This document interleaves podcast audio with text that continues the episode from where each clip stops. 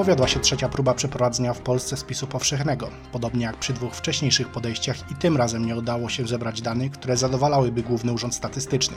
Według pierwszego spisu w Polsce mieszkało w sumie 11 osób, z czego 4 to imigranci z Ukrainy, co nijak nie zgadzało się z przewidywaniami przygotowanymi przez urząd. Według rezultatów drugiego spisu ilość Polaków co prawda się zgadzała, ale wszyscy mieli na imię Angelika i byli kobietami, co jak w niedzielę na specjalnie zwołanej konferencji prasowej rozrysował prezes Głównego Urzędu Statystycznego nie jest możliwe. Najnowsze podejście do spisu na pozór dawało bardziej realistyczne wyniki i mieszczące się w marginesie błędu. Niestety już 6 godzin po opublikowaniu wyników spisu na stronie internetowej GUS-u zostały one usunięte, gdy wyszło na jaw, że tym razem spis przez pomyłkę przeprowadzono w Niemczech. Prezes Głównego Urzędu Statystycznego Dominik Roskrut powiedział, że nie poda się do dymisji, dopóki nie przeprowadzi tego cholernego spisu. W środę w Sejmie podsumowano 3 lata rządowego programu wsparcia dla osób poszkodowanych posiadaniem sąsiada, któremu powodzi się w życiu. Pierwsi Polacy dotknięci problemem zdiagnozowani zostali w lipcu 2015 roku, kiedy do lekarzy masowo zaczęły zgłaszać się osoby cierpiące z powodu wyjazdu sąsiadów na wakacje za granicę, gdyż po ostatniej podwyżce płac mogli sobie na to pozwolić. Problem zyskał miano epidemii latem 2016 roku, kiedy 119 osób trafiło do szpitala w ciężkim stanie po obcowaniu z sąsiadami, którzy cieszyli się dobrym samopoczuciem po udanym występie Polaków na euro. Dzisiaj rządowym programem wsparcia objętych jest ponad 305 tysięcy rodzin, głównie ze wschodnich województw. Sekretarz stanu w Ministerstwie Rodziny, Pracy i Polityki Społecznej Stanisław Szwed tłumaczył, że rząd ma plan działania, zapowiadając otwarcie nowych ośrodków wsparcia. Krajów y, funkcjonowało 35 specjalistycznych ośrodków wsparcia. W tym roku jeszcze w 2018 roku powstała jedna placówka. W tym roku przewidujemy też otwarcie kolejnej takiej placówki. Stanisław Szwed podkreślił także, że o ile rząd robi co może, pora by swoje zrobili obywatele i przestali w końcu cieszyć te mordy.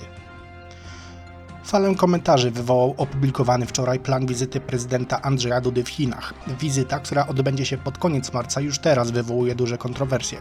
Przedstawiciele opozycyjnych ugrupowań wątpią m.in. w to, czy 20-dniowa, samotna wędrówka prezydenta przez Wielki Mur Chiński jest dobrym pomysłem, szczególnie o tej porze roku.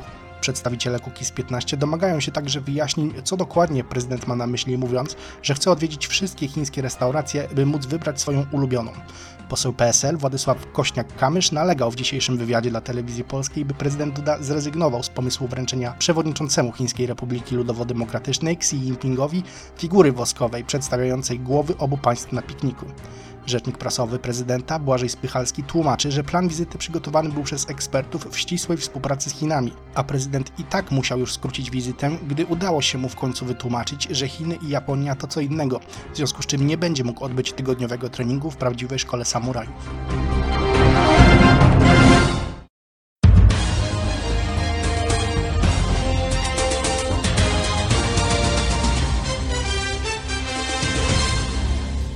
teraz wiadomości ze świata.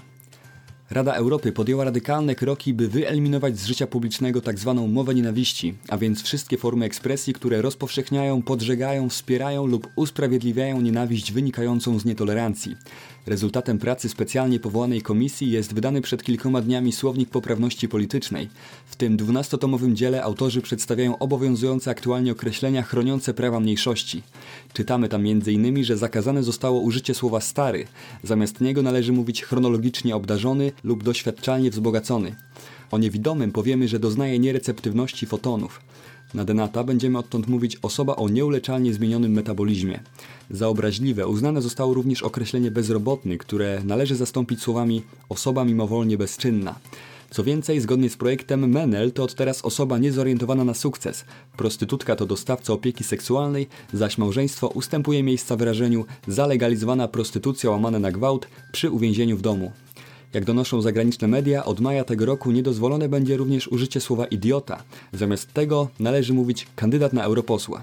A teraz oddaję głos mojemu koledze, który jest osobą horyzontalnie wymagającą i posiadającą niedogodności rozwojowe.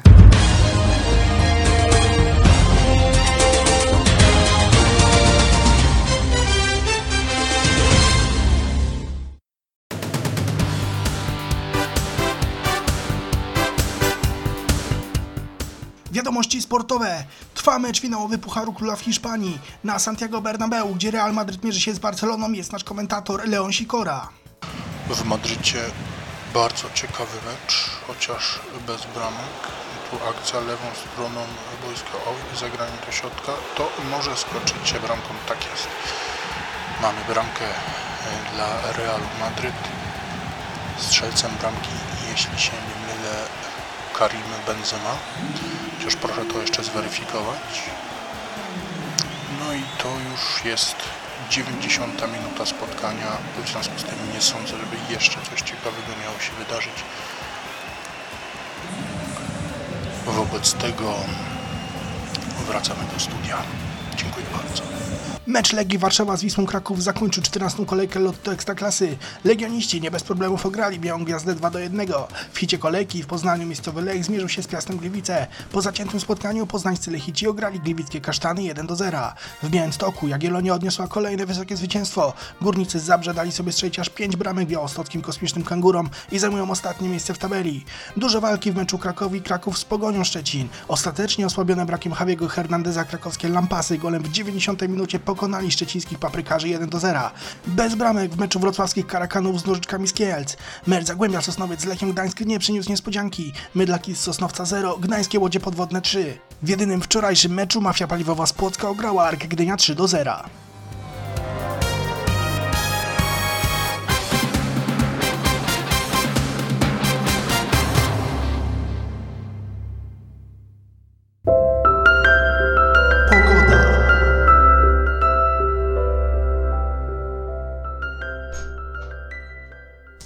Cześć, jest?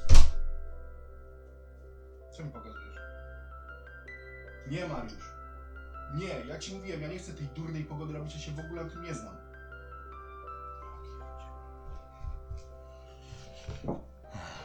Nawet mapy nie odpaliłeś. E, pogoda, pora na pogodę. E, mamy na dworze 7 stopni Celsjusza w Polsce. E, no, wiosna się robi, wiadomo, troszeczkę cieplej teraz jest niż zawsze. Jeśli chodzi o hekto, no, ale są e, znaczone na czerwono, nie wiem. Znaczy, że są za wysokie czy za niskie, nie mam pojęcia. Mm, Wiatr wschod... Hmm, wiatr wieje ze wschodu, to znaczy jest wschodni, czy, jest, czy wieje na zachód, to jest zachodni. Mariusz, naprawdę, jakieś notatki by mi się przydały, cokolwiek, chłopie. Hmm. Jutro będzie ładnie, słonecznie w całym kraju. Będzie dobra pogoda, można wyjść z, z dziećmi na dnie. To była pogoda. Mariusz, chłopie, musimy pogadać, bo to się robi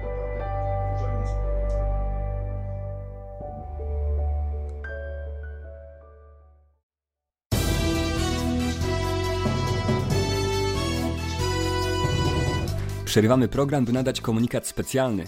Dziś rano w oczyszczalni ścieków w miejscowości Morzeszczyn na Pomorzu doszło do awarii pompy, w związku z czym na ulice miasta wypłynęło około 5 tysięcy metrów sześciennych nieczystości. Mieszkańcy są wściekli. Prezydent Szczepan Napłot poinformował, że przyczyną wycieku była zarówno awaria sprzętu, jak i brak nadzoru ze strony pracowników. Dyspozytor przedsiębiorstwa wodociągów i kanalizacji, który zaniedbał swoje obowiązki, znalazł się pod oszczałem krytyki, lecz jakie konsekwencje poniesie, tego jeszcze nie wiadomo. Pewnym jest jedynie, że zalało Morzeszczyn.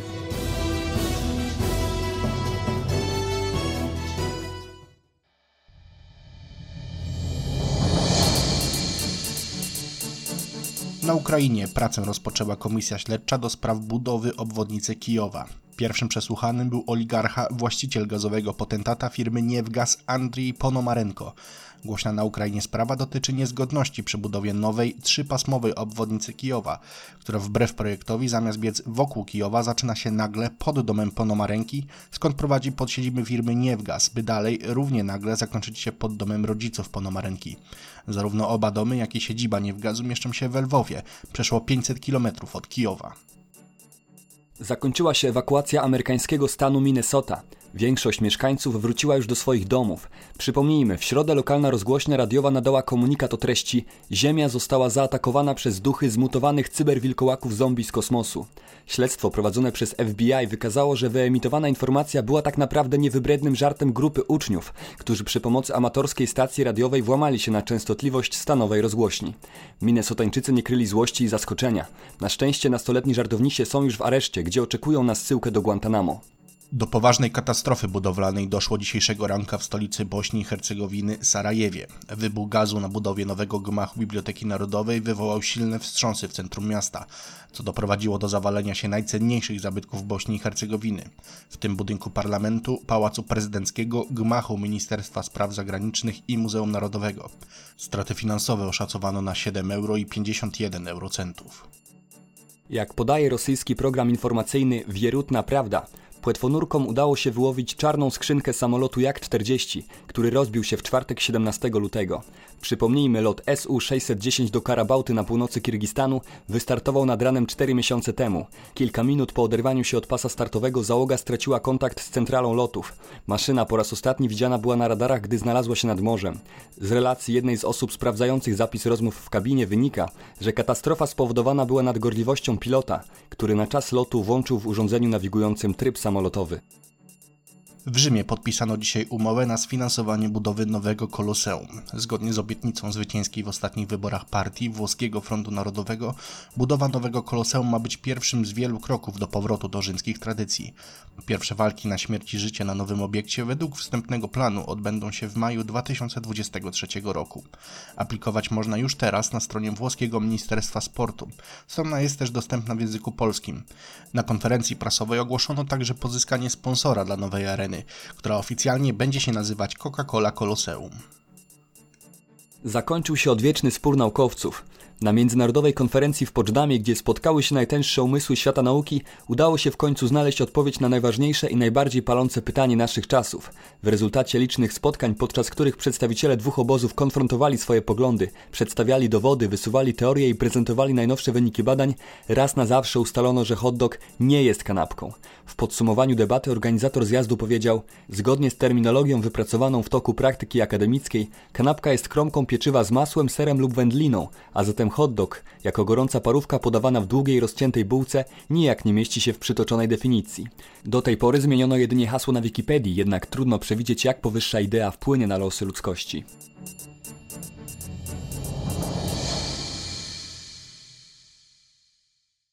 A teraz przechodzimy do rozmowy dnia. Rozmowa dnia, rozmowa dnia,